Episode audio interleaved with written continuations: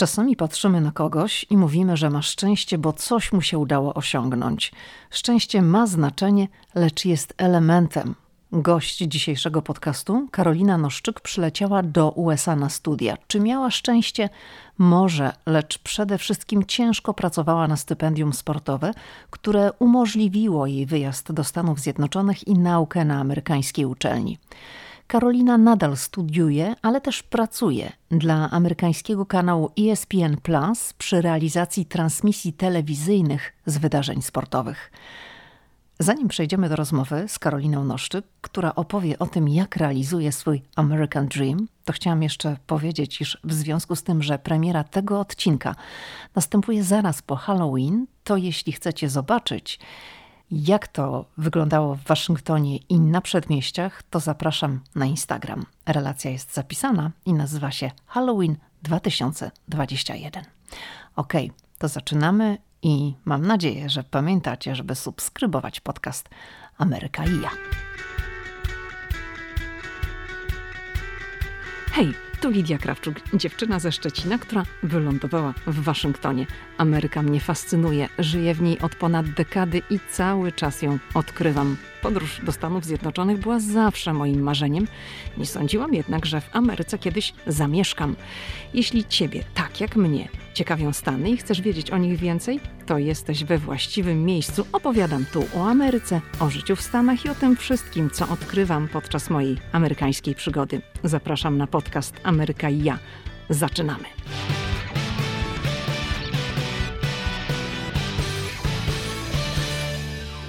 Cześć Karolina. Witam bardzo serdecznie. Dziękuję za zaproszenie. Jasne. Czy byłaś wczoraj w pracy? Byłam wczoraj w pracy i przedwczoraj i przed przedwczoraj. Nie pamiętam, kiedy miałam wolny dzień tak naprawdę. To powiedz, jakie czynności musisz wykonać, żeby mieć pewność, że jesteś gotowa do pracy i niczego nie zawalisz? Powiem ci tak. Gdy tylko znajdziesz motywację w swoim życiu i gdy robisz pracę, która daje ci ogromną satysfakcję, i do tego chodzisz regularnie na siłownię, wtedy nie ma opcji, że nie jesteś gotowa. Wstajesz rano i wiesz, że masz wypchany cały grafik od 7 rano do 21 wieczorem.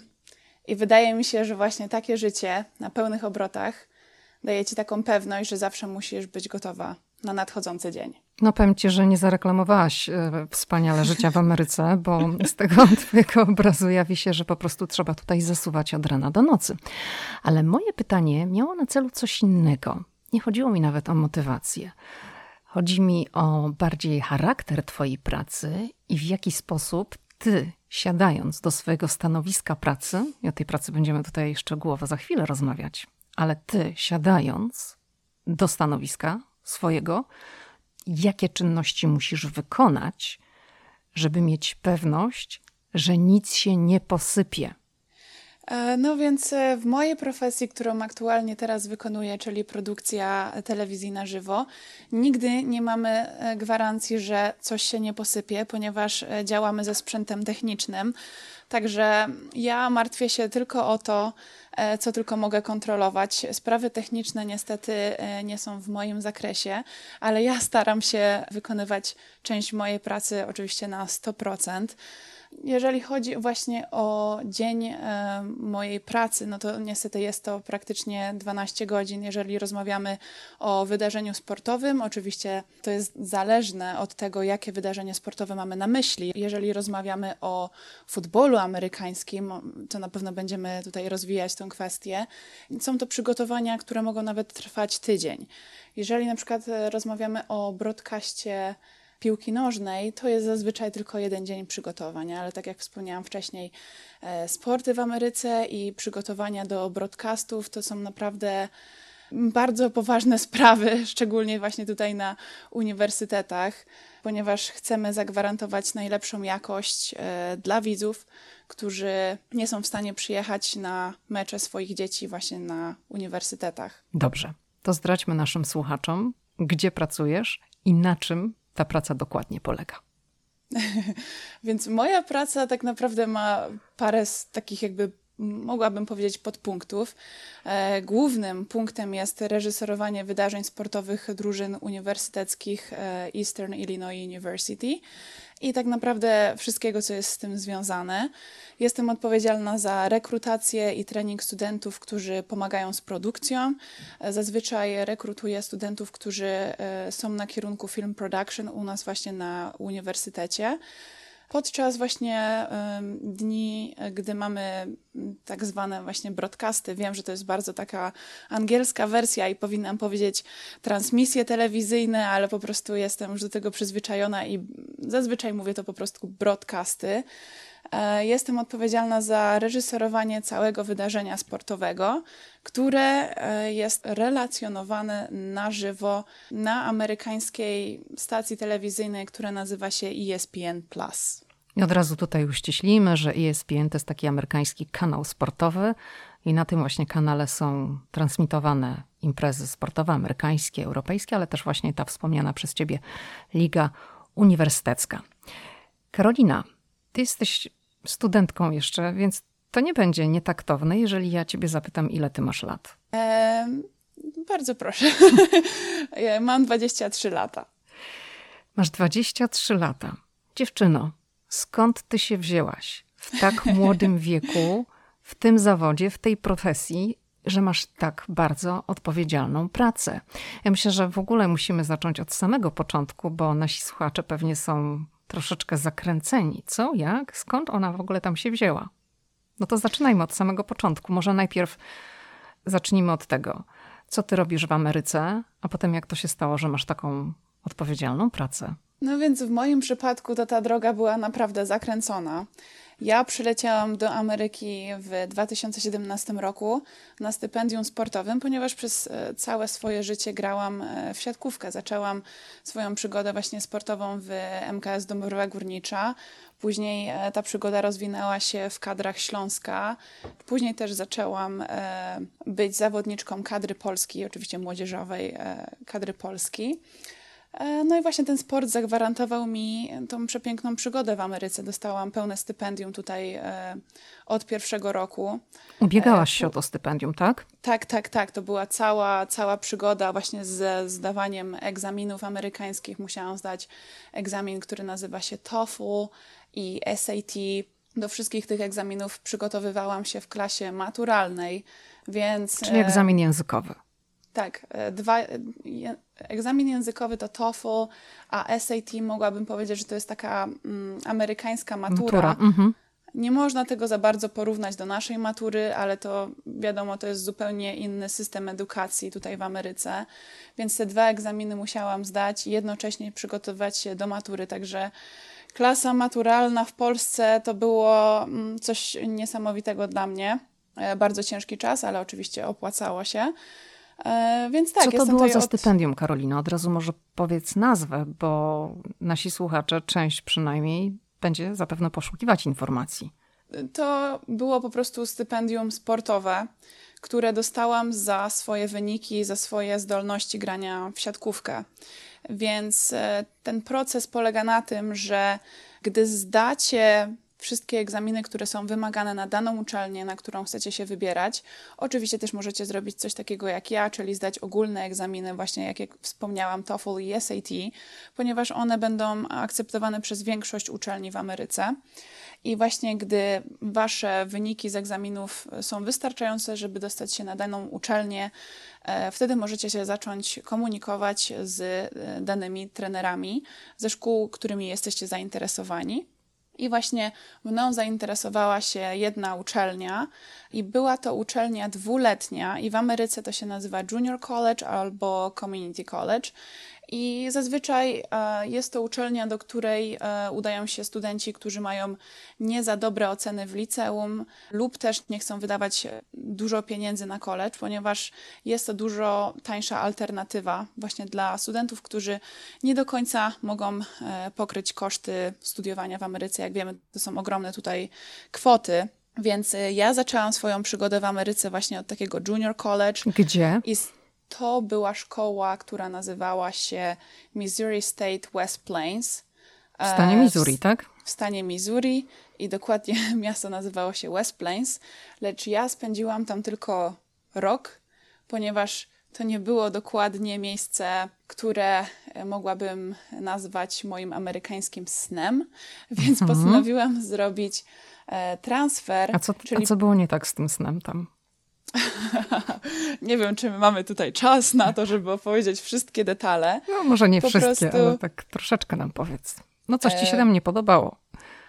Wydaje mi się, że konflikt e, zdań i porozumień z moimi trenerkami. Po drugie, nie byłam też bardzo zadowolona z lokalizacji i wydaje mi się, że po prostu to miejsce nie było dla mnie. Wiesz, czasami ciężko jest stwierdzić, co dokładnie nie działa, ale wydaje mi się, że właśnie nieporozumienia, mm, bardzo dużo konfliktów z moimi trenerkami, które nie do końca jakby akceptowały moją osobę, więc wydawało mi się, że muszę jakby o siebie zawalczyć i wiedziałam, że mam w sobie więcej niż one we mnie widzą. Więc e, tak naprawdę nie podobała mi się ta szkoła ze względu na moje właśnie trenerki. A będąc Czyli poszłaś tak po amerykańsku, bo wiesz, w Ameryce to zawsze się mówi, żeby szukać tej drugiej opinii, second opinion. I ty postanowiłaś poszukać, tak? Że... Tak, dokładnie mhm. tak. Rozumiem, że była taka opcja, że mogłaś ubiegać się o zmianę koledżu, do którego trafiłaś. Mm, oczywiście, zawsze jest taka opcja.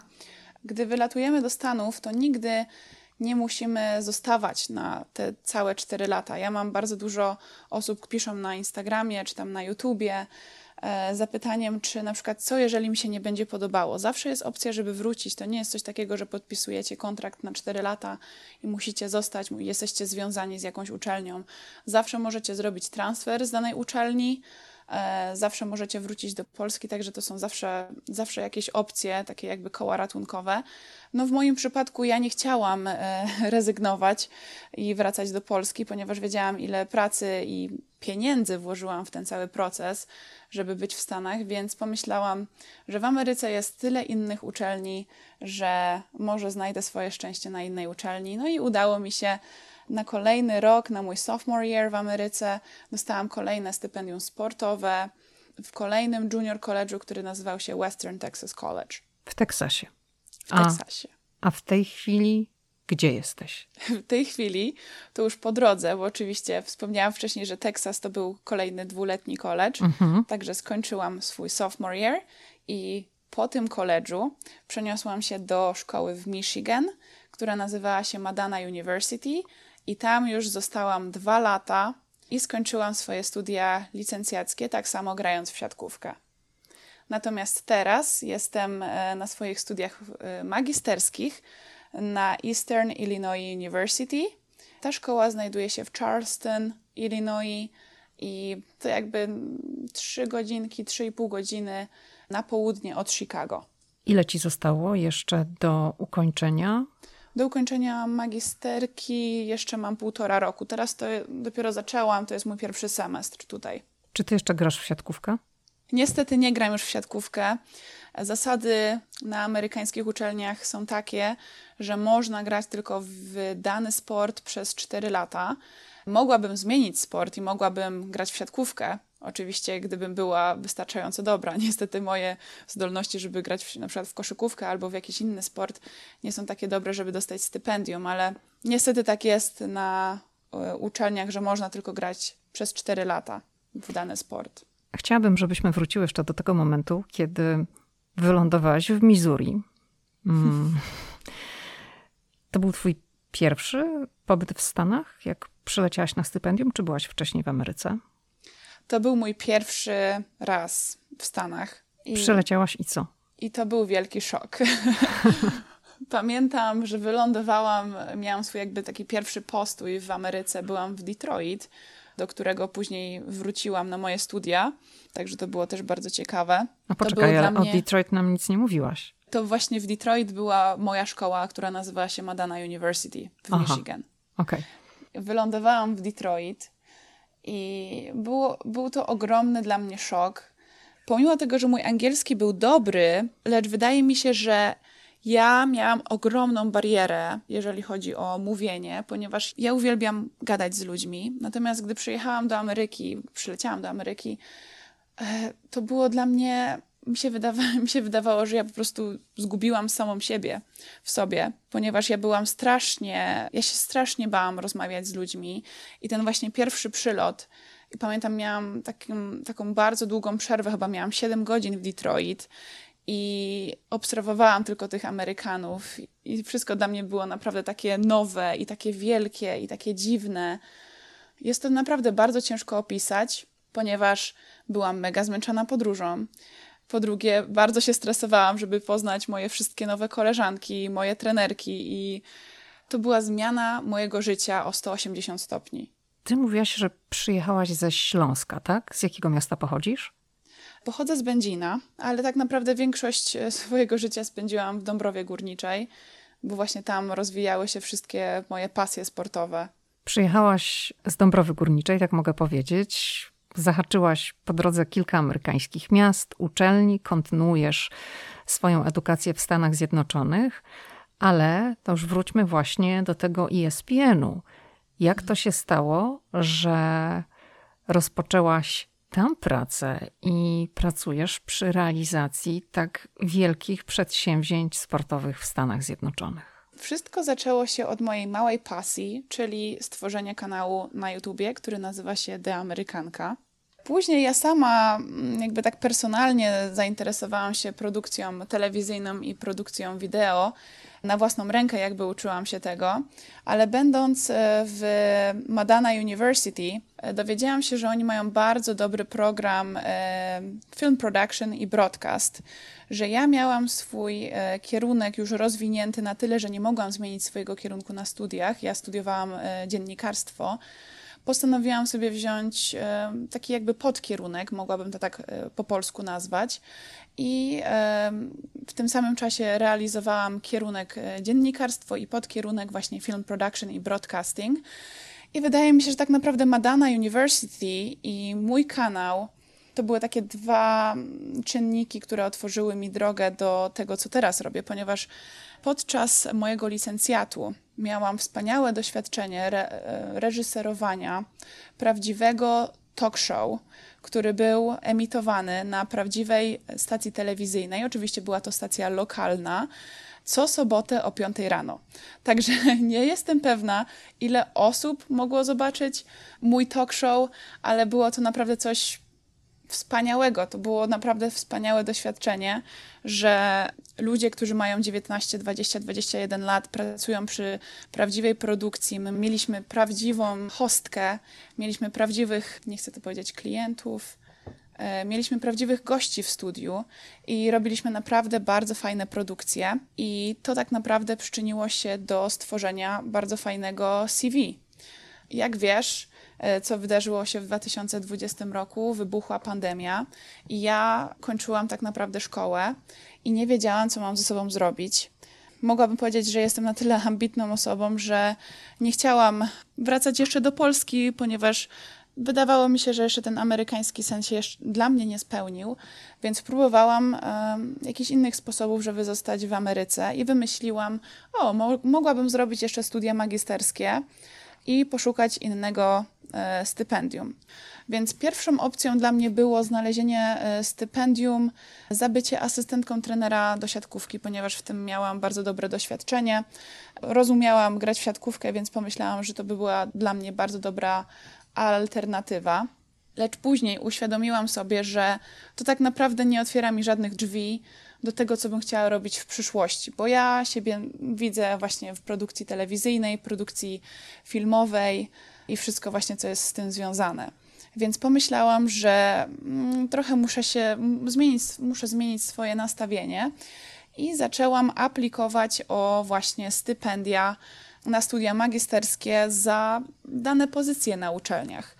Trzeba to sobie powiedzieć otwarcie, że uczelnie, które nie mają za dużo pieniędzy, właśnie oferują pełne stypendia dla ludzi, którzy są zainteresowani czymś takim, co nazywa się graduate assistantship, ponieważ wtedy szkoła płaci za Twoje studia, daje Ci małą wypłatę, zamiast e, rekrutowania prawdziwych jakby pracowników na pełen etat.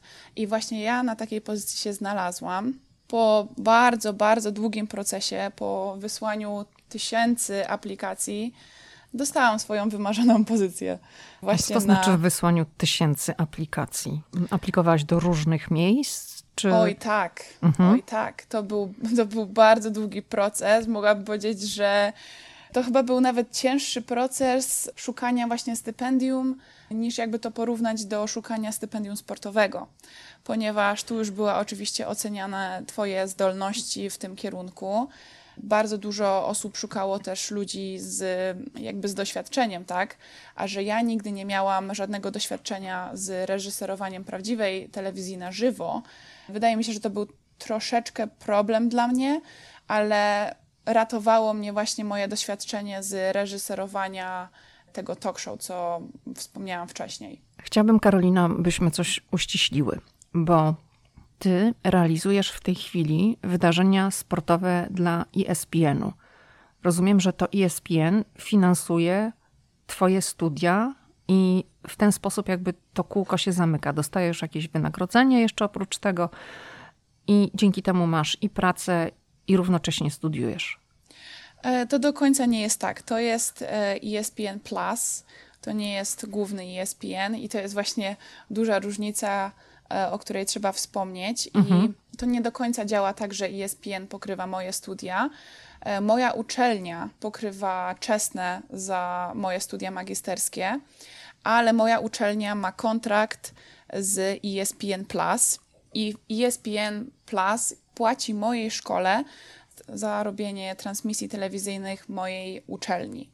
Więc e, to jest jakby taki kontrakt między moją uczelnią a e, stacją telewizyjną i ja jestem tylko pośrednikiem, który wypełnia właśnie tą rolę.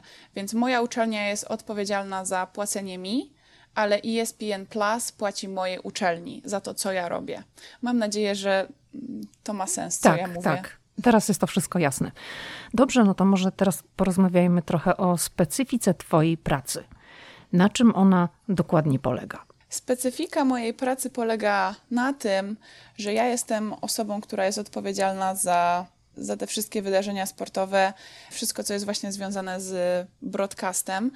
Czyli może podam jeden przykład, jak wygląda cały mecz futbolu ponieważ jest to chyba najfajniejsze wydarzenie i bardzo dużo się tam dzieje, więc to będzie bardzo dobry przykład. Mówimy żeby... o tym futbolu amerykańskim oczywiście. Oczywiście tak. Więc e, dzień zaczyna się od tego oczywiście zależnie o której godzinie mamy mecz futbolu.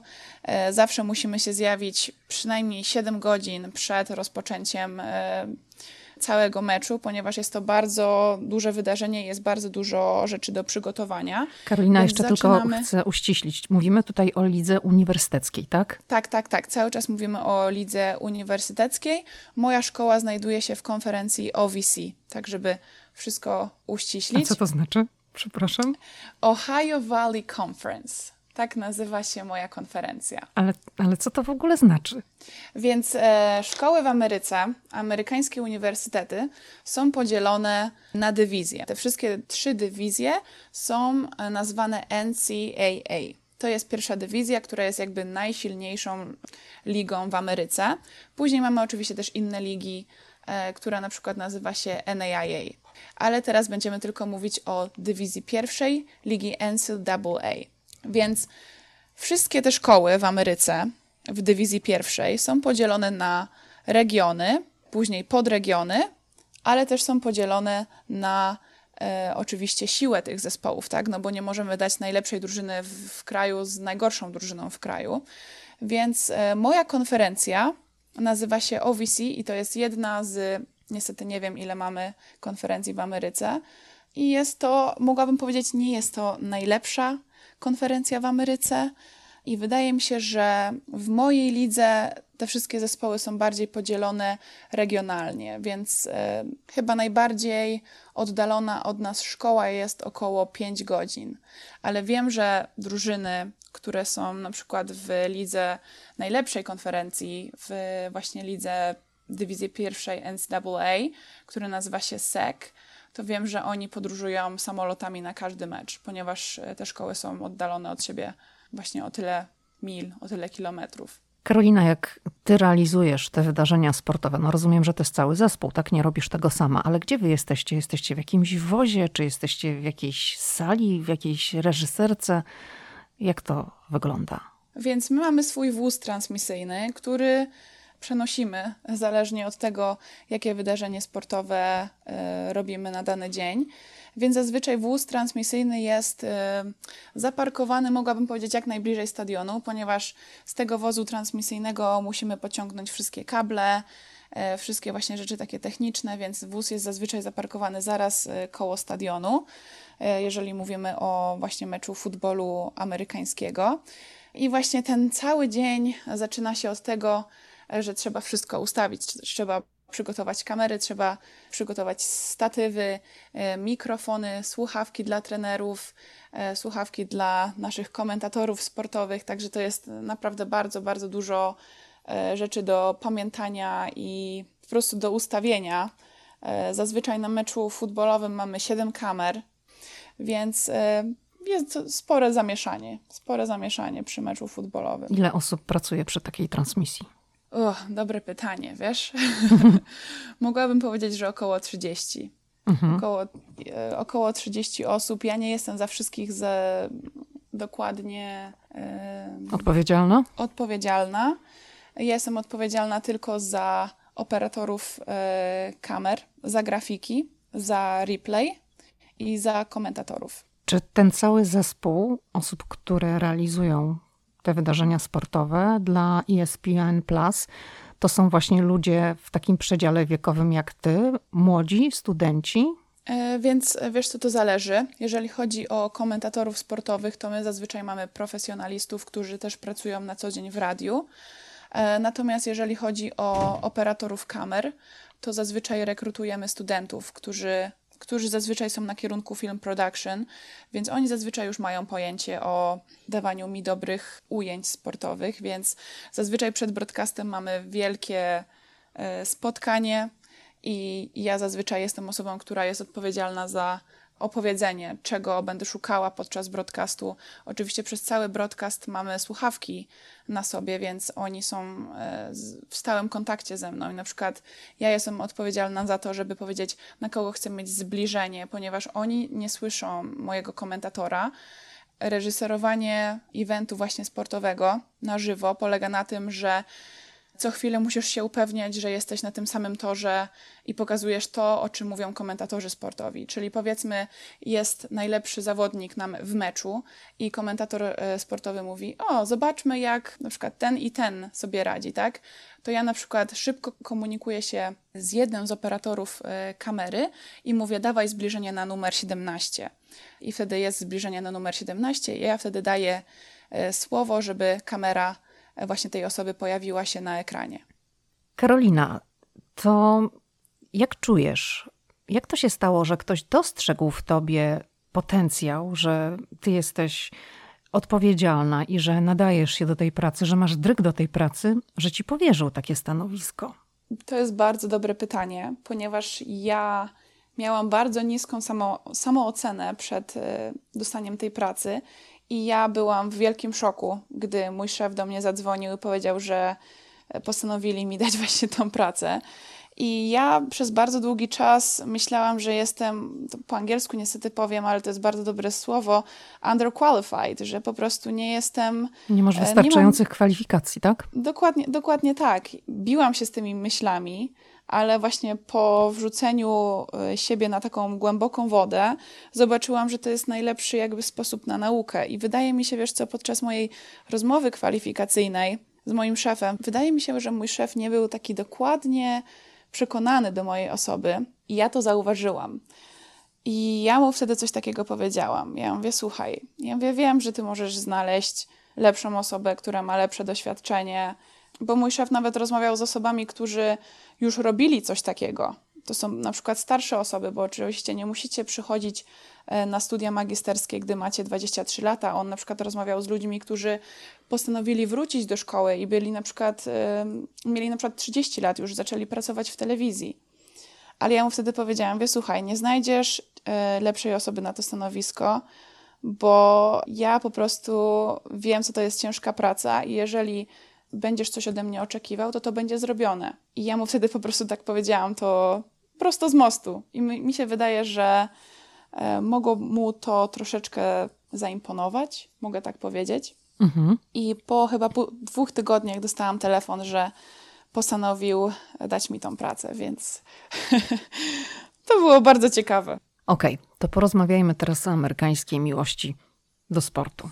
Bo ta miłość do sportu w Ameryce to jest coś niebywałego i każdy, kto tutaj przyjedzie, to natychmiast to zauważy. Nawet jeżeli nie przyjedzie, to jak gdzieś tam sobie ogląda coś w internecie, w telewizji, no to widzi, jaki to jest szał, bo możemy po prostu powiedzieć, że to jest szał. Jak sądzisz, dlaczego Amerykanie są tak bardzo zakręceni na punkcie wydarzeń sportowych? Dlaczego w ogóle interesuje ich coś takiego jak Liga Uniwersytecka? E, wydaje mi się, że powodem, e, dlaczego Amerykanie uwielbiają i mają totalnego hopla na punkcie sportu, jest to, że oni po prostu tak dorastali. Zazwyczaj w Ameryce jest tak, że jeżeli e, rodzice chodzili do jakiejś szkoły, to zazwyczaj dziecko jest już wychowywane właśnie w tych barwach. E, gdy nowe dziecko pojawia się w rodzinie, rodzice zazwyczaj kupują e, już takie malutkie body, z, na przykład z logiem tej drużyny.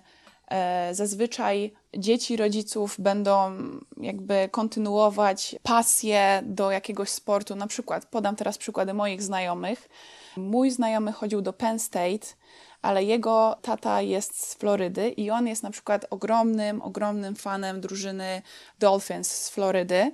I muszę ci powiedzieć, że on prawie płacze. On prawie płacze, jeżeli e, delfiny przegrają w mecz futbolu. Więc to jest, mi się wydaje, że to jest nawet taka toksyczna miłość do sportu.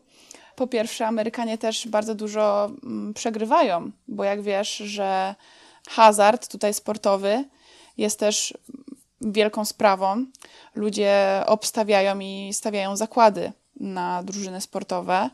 Wydaje mi się, że ta miłość e, jest skoncentrowana tylko na drużynach futbolu amerykańskiego i na koszykówce. Wydaje mi się, że to są takie dwa sporty. Ja też odnoszę takie wrażenie. Zwłaszcza, że jeżeli pójdzie się do jakiegoś amerykańskiego baru, no to w ogóle bar bez telewizora to nie jest bar, prawda? I Dokładnie. W Ameryce oczywiście. I no tak jak mówisz, albo ludzie oglądają koszykówkę, albo to jest futbol mm, amerykański, ale jeszcze chciałam wrócić do właśnie tej ligi uniwersyteckiej. Czy ty uważasz, że to jest może coś takiego, że ludzie śledzą ligę uniwersytecką, dlatego że czują się związani z uczelnią, do której kiedyś chodzili? No jak to jest, że coś takiego jak Liga Uniwersytecka może wzbudzać tak wielkie emocje? Tak, jednym z powodów może być na pewno to, że oni ukończyli kiedyś w przeszłości tą szkołę i nadal czują jakby takie powiązanie, pamiętają swoje młodzieńcze lata, gdy chodzili na mecze właśnie futbolu ze swoimi kolegami, koleżankami z uczelni, więc wydaje mi się, że to może być jeden powód, dlaczego Amerykanie tak kochają właśnie ten sport w Ameryce, ale bardzo też jest coś interesującego, to to, że czasami oni nigdy nawet nie byli na danej uczelni, nigdy nawet nie chodzili tam. I mam też bardzo dużo znajomych, którzy na przykład mówią: O, uwielbiam tą szkołę. Ja mówię: No ale dlaczego? Oni nawet nie potrafią odpowiedzieć na to pytanie. E, po prostu coś jest w tej szkole, że nie wiem, po prostu oni coś uwielbiają. Na przykład czasami jest tak, że e, dana drużyna ma jakiegoś trenera, który był e, byłym zawodnikiem na przykład ligi futbolowej w Ameryce. Albo na przykład mają bardzo utalentowanego zawodnika i wtedy wszyscy są bardzo zainteresowani, czy ten zawodnik właśnie pójdzie grać w, profesjonalnej lidze futbolowej i właśnie co się z tym zawodnikiem stanie. Więc wydaje mi się, że to jest po prostu taka pasja Amerykanów, żeby śledzić te wszystkie wydarzenia sportowe, wiedzieć, jaki uniwersytet sobie radzi na ten, na ten moment. Więc to jest bardzo dobre pytanie, na które tak naprawdę nie wiem, jak odpowiedzieć, ponieważ wydaje mi się, że sami Amerykanie nie potrafią sobie odpowiedzieć na to pytanie, ponieważ gdy jesteś Amerykaninem, to wydaje mi się, że masz po prostu zakorzenione w sobie, że musisz lubić sport, że musisz oglądać, że musisz wiedzieć, musisz znać konferencje, musisz znać szkoły, musisz e, wiedzieć właśnie w jaki sport ta uczelnia sobie najlepiej radzi. Więc wydaje mi się, że to jest jakby kawałek ich kultury. A czy ty uważasz, że to dotyczy i dziewcząt, kobiet, i, i mężczyzn, czy to jednak ten sport, to zamiłowanie do sportu, to, to są głównie jednak mężczyźni? Bo Ja tak sobie rozmawiam z takimi moimi dwoma kolegami, znajomymi. Oni są Amerykanami oczywiście są zakręceni na punkcie sportu, śledzą te wszystkie rozgrywki. Amerykanie w ogóle się też organizują w takich y, klubach, nie wiem czy to dobrze powiedziałam, w klubach, zakładają takie grupy gdzieś tam online, wymieniają się tymi wynikami, właśnie obstawiają, tak jak, tak jak ty powiedziałaś. No i oni mówią, nie, że kobiety też, kobiety też. Ale czy ty tak naprawdę uważasz, że kobiety też tak są zakręcone na punkcie futbolu? Mogłabym powiedzieć, że tak. Mhm. Przed zaczęciem tej pracy myślałam, że to tylko naprawdę faceci są zainteresowani sportem ogółem w Ameryce, ale niestety po zaczęciu pracy tutaj zauważyłam, że kobiety też mają niezłego hopla na punkcie futbolu amerykańskiego. Także nie, także wydaje mi się, że, że to nie ma znaczenia. Płeć nie ma znaczenia. Każdy kocha futbol amerykański w Ameryce. A czy ty też połknęłaś tego bakcyla? Bo ja nie mówię o tym, że to jest twoja praca, że realizujesz wydarzenia sportowe, ale czy ciebie futbol amerykański też tak naprawdę, naprawdę kręci? No więc niestety muszę się przyznać, niestety tak, zakochałam się w futbolu amerykańskim. tak naprawdę muszę ci powiedzieć, że myślałam, że to mnie nie kręci, ponieważ e, no, byłam już w Stanach 4 lata i to jest mój piąty rok, więc myślałam, że okej, okay, do tej pory jakoś mnie to nigdy nie fascynowało, ale powiem Ci, że teraz zaczęłam się obracać w jakby w innym towarzystwie. No i oczywiście też ma więcej do czynienia z futbolistami, właśnie z, z meczami futbolu i muszę Ci powiedzieć, że w moim przypadku lubię futbol, E, bo wydaje mi się, że futbol jakby łączy ludzi. E, na przykład nasze czwartki robimy sobie na przykład z kolegami z mojej pracy takie futbolowe czwartki, spotykamy się i rozmawiamy, oglądamy mecz. Oczywiście chłopaki z mojej pracy są, no mogłabym powiedzieć, że nawet zakręceni, nawet nie chcą rozmawiać, oni po prostu chcą oglądać ten mecz i komentują każdy, każde podanie i to, co mówią komentatorzy. Także oni są mega, mega zakręceni, ale w moim przypadku wydaje mi się, że czuję się jakby, czuję taką konekcję między mną a innymi Amerykanami. Wiedząc, że jestem zainteresowana futbolem i nawet e, zapytałam się ostatnio moich kolegów, kurde, ja nie mam żadnej drużyny, którą tak naprawdę lubię. E, I fajnie by było mieć jedną drużynę, którą na przykład bym obserwowała i kibicowała. I powiem ci, że oni byli tak podjarani, gdy tylko to usłyszeli. Oni mi od razu rzucili 10 drużyn i oni byli nawet skłonni się pobić, żebym ja wybrała ich drużynę. I wybrałaś było... jakąś? Nie wybrałam jeszcze, ale naprawdę bardzo mi się podobają te delfiny. Z powodu właśnie tego jednego mojego kolegi z pracy, bo powiedział mi bardzo, bardzo dużo fajnych takich wydarzeń o tej drużynie, więc wydaje mi się, że może pójdę w te delfiny, ale ten sezon za bardzo im nie wychodzi, więc nie chcę wybrać drużyny, która przegrywa, więc może jeszcze takie rozważania zostawię na przyszły sezon. A powiedz, co ty robisz, Karolina, jak jest Super Bowl? Jak wygląda wtedy twój dzień? E, więc Super Bowl tak naprawdę jeszcze nie miałam takiego doświadczenia z, ponieważ Super Bowl będzie chyba w przyszłym roku, tak? Coś takiego. Więc pamiętam. W lutym będzie. Mhm. No to zawsze w lutym. w lutym jest, są te rozgrywki, znaczy ten finałowy mecz. Mhm. No widać, jeszcze nie jestem zakręcona za bardzo w ten futbol, aż tak, żeby, żeby wiedzieć takie ciekawostki. Ale pamiętam rok temu to jest takie wielkie wydarzenie, że już wszyscy planują co będą robić, e, gdzie idą do znajomych, czy do jakiegoś baru. No i oczywiście są ogromne ilości alkoholu spożywane w ten dzień, ponieważ każdy Amerykanin jest bardzo podekscytowany, żeby obejrzeć ten mecz. No ja powiem Ci, że rok temu bardzo byłam zainteresowana kwestią e, finansową Super Bowl ponieważ miałam wtedy bardzo dużo zajęć właśnie związanych e, z reklamami telewizyjnymi Pamiętam wtedy mój profesor powiedział, że za 30 sekund reklamy na Super Bowl e, muszą zapłacić ponad 2 miliony e, dolarów za 30 sekund. Także to było, to było coś dla mnie niesamowitego.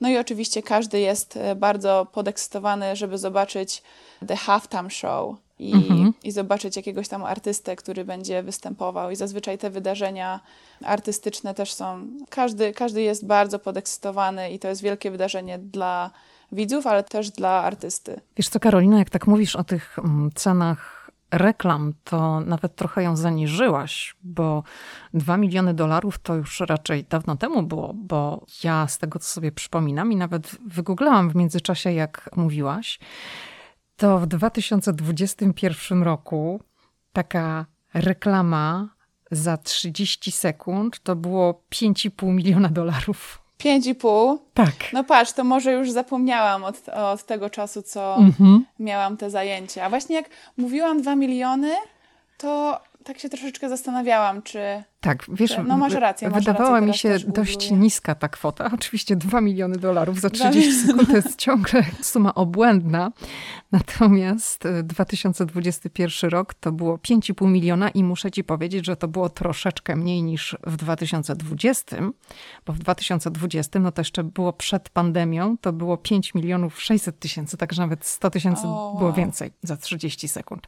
No, to coś musiało mi się pomylić, ale wciąż. Wciąż to są, to są bardzo duże sumy. Karolina, powiedz, jak ty widzisz swoją przyszłość w Stanach, bo ciągle jesteś w takiej fazie trochę stypendium, trochę finansowania studiów. To nie jest jeszcze ta ostateczna droga do Twojej przyszłej pozycji w zawodzie. Co Ty byś chciała robić? Czy chciałabyś właśnie zostać w tej branży telewizyjnej, ale w tej branży sportowej? I przede wszystkim, czy Ty byś chciała żyć w Ameryce, czy chcesz wrócić do Polski? No, bardzo ciężkie pytania mi tutaj zadajesz, ale muszę jednak powiedzieć, że ja się widzę w Ameryce, ponieważ wydaje mi się, że to jest kultura, w której najwygodniej mi się żyje. E, jeżeli chodzi o pracę, to tak naprawdę nie wiem. Jeszcze mam półtora roku swoich studiów magisterskich. Wiem, że po ukończeniu będę aplikować o program, który nazywa się OPT, czyli jest to roczny staż dla studentów z zagranicy, więc mam nadzieję, że to będzie jakby kolejne przedłużenie mojego tutaj pobytu o rok. No i miejmy nadzieję, że to właśnie OPT otworzy mi e, drogę do jakiejś stałej pracy tutaj. Takie, to by było takie moje mm, amerykańskie marzenie, żeby dostać tutaj stabilną pracę i realizować się właśnie w mojej profesji. Czy byłaby to produkcja telewizyjna, czy produkcja po prostu wideo, czy po prostu praca na planie filmowym, byłoby to spełnieniem moich marzeń. Więc miejmy nadzieję, że w tym kierunku pójdę. Jeszcze rok temu byłam bardziej zainteresowana pracą w mediach, natomiast na tą chwilę nie jestem pewna, czy chciałabym iść właśnie w tym kierunku dziennikarstwa. Wydaje mi się, że to, co robię teraz, e, byłoby czymś, co chciałabym robić może nie do końca swojego życia, ale przez parę pierwszych lat, właśnie po ukończeniu e, mojego magistra tutaj. A czy pomagasz szczęściu i bierzesz udział w loterii wizowej? Tak, oczywiście już zaaplikowałam. Miejmy nadzieję, że tutaj e, słuchacze wyślą jakieś dobre intencje i, i moja, moja aplikacja zostanie wylosowana. A jeszcze chciałam Cię zapytać o jedną rzecz, bo przeglądałam Twój kanał na YouTube. Tam masz bardzo mhm. dużo różnych filmów dotyczących życia w Ameryce i różnych swoich przygód. Pokazujesz miejsca, ale też opowiedziałaś o czymś takim jak perfekcyjna amerykańska randka, która ci się przydarzyła. Tak. Randkujesz dalej? Aktualnie mam małą przerwę z powodu natłoku zajęć i tak naprawdę mogłabym powiedzieć pracy nad sobą. Wiem, że to brzmi tak bardzo kliszej, ale nie mam po prostu czasu na to i powiem ci, że randkowanie w Ameryce jest bardzo wykańczające. Powiem tak, znaczy ja nigdy nie randkowałam w Ameryce, natomiast no, rozmawiam z osobami, które na takie randki chodzą i muszę powiedzieć, że to jest rzeczywiście bardzo trudny temat i ciężki temat, bo w tej chwili, tak jak obserwuję moich znajomych, którzy są na etapach poszukiwania partnerów i korzystają z aplikacji randkowych, bo to się w tej chwili wszystko opiera o aplikacje, to jest takie trochę. Mm, bardzo ściśle człowiek określa mm, tak zwane cechy, które chciałby widzieć w swoim partnerze, i one dotyczą i wyglądu, i zainteresowań, i tak dalej, i tak dalej. I wszystko to się opiera na takich szybkich klikach, że przeglądasz zdjęcia. Nie, nie, nie, nie, nie, może to. Mam rację? Mm -hmm. No, dokładnie tak. Dokładnie tak. To powiedz może troszeczkę o tej swojej idealnej randce. Dlaczego ona była taka idealna na tle e. innych? Bo rozumiem, że kilka tych randek miałaś i ta jedna była tak perfekcyjna, że nawet nagrałaś cały odcinek na ten temat. E, no dokładnie tak, nawet nie kilka, tylko już byłam na e, zdecydowanie większej ilości takich randek podczas moich tutaj czterech lat w Ameryce, ale no muszę powiedzieć, że bardzo często spotykam się właśnie z takim e, rozczarowaniem ponieważ no, jeżeli szukamy kogoś w podobnym wieku, ja mam 23 lata, gdy przyjechałam do Ameryki, to miałam 19 lat i zawsze szukałam y, kogoś po prostu w podobnym wieku. To niestety Amerykanie mają troszeczkę inne podejście. Oni chcą wykorzystać ten czas na studiach na zabawę, oni nie chcą za bardzo się bawić y, w związki. No a ja niestety czegoś takiego szukałam, no i nadal szukam. Może już nie aktywnie, ale po prostu czegoś takiego mm, po prostu chcę. E, nie jestem zainteresowana w zabawy tak jak oni. No i muszę Ci powiedzieć, że zazwyczaj te randki w Ameryce są po prostu takie trochę no, przereklamowane. Amerykanie zazwyczaj nie są kreatywni, jeżeli oni nie są 100% za, zainteresowani daną osobą, to nawet nie fatygują się, żeby zabrać cię gdzieś do jakiejś restauracji, żeby coś takiego fajnego wymyślić. Tylko kolejną rzeczą, którą możemy spotkać, to jest właśnie coś takiego jak Netflix and Chill, gdzie chłopak zaprasza dziewczynę do siebie i po prostu nawet wtedy nie ma normalnej e, rozmowy i tak samo ja nie jestem tym zainteresowana. I właśnie postanowiłam nagrać taki film na YouTube'a, ponieważ wydawało mi się, że ta randka była idealna i było wszystko fantastycznie i oczywiście jako marzycielka planowałam już ślub i dzieci. oczywiście z przymrużeniem oka wszystko. No i chłopak naprawdę okazał się być e, bardzo fajny, lecz e, po pierwszej idealnej randce nie było e, żadnego z nim innego kontaktu, także to był po prostu jakby taki wyjątek, który potwierdził regułę. Mogłabym tak powiedzieć. Karolina, czego ci życzyć na koniec? E, chciałabym, e, żebyś życzyła mi, żebym miała więcej czasu. Chciałabym, żeby mój dzień miał więcej niż 24 godziny. To bym, to bym bardzo chciała. Ze wszystkim innym sobie poradzę, tylko chciałabym mieć po prostu więcej czasu. Powiem tak, nie jestem w stanie wydłużyć ci doby mogę życzyć Ci, byś być może zdjęła ze swoich barek część obowiązków, bo tak jak rozpoczynałyśmy naszą rozmowę i powiedziałaś, że pracujesz po 12 godzin, no to od razu było u mnie takie, o, 12 godzin. Nie zareklamowałaś dobrze tej Ameryki, bo no, nikt nie chce pracować codziennie 12 godzin. To jest bardzo dużo, ale już tak mówiąc poważnie, to rozumiem, że twój dzień jest tak bardzo skoncentrowany, dlatego że musisz godzić i uczelnię, i pracę. Dokładnie tak. Mhm. Ile godzin zajmuje ci uczelnia, a ile praca? Więc studia magisterskie wyglądają troszeczkę inaczej. Ja mam mniej zajęć jeżeli chodzi o wykłady, więc mam tylko e, godzinę 15 minut codziennie, lecz jest bardzo dużo do zrobienia poza wykładami. Dużo I pracy własnej, są, tak? Tak, bardzo dużo pisania, bardzo dużo właśnie takich własnych e, researchów, które, które trzeba robić poza wykładami. Karolina, życzę Ci zatem, abyś zrealizowała ten swój amerykański sen i dziękuję Ci bardzo za udział w podcaście. Ja bardzo dziękuję za zaproszenie i mam nadzieję, że jeszcze nie raz się usłyszymy. Dzięki, wszystkiego dobrego.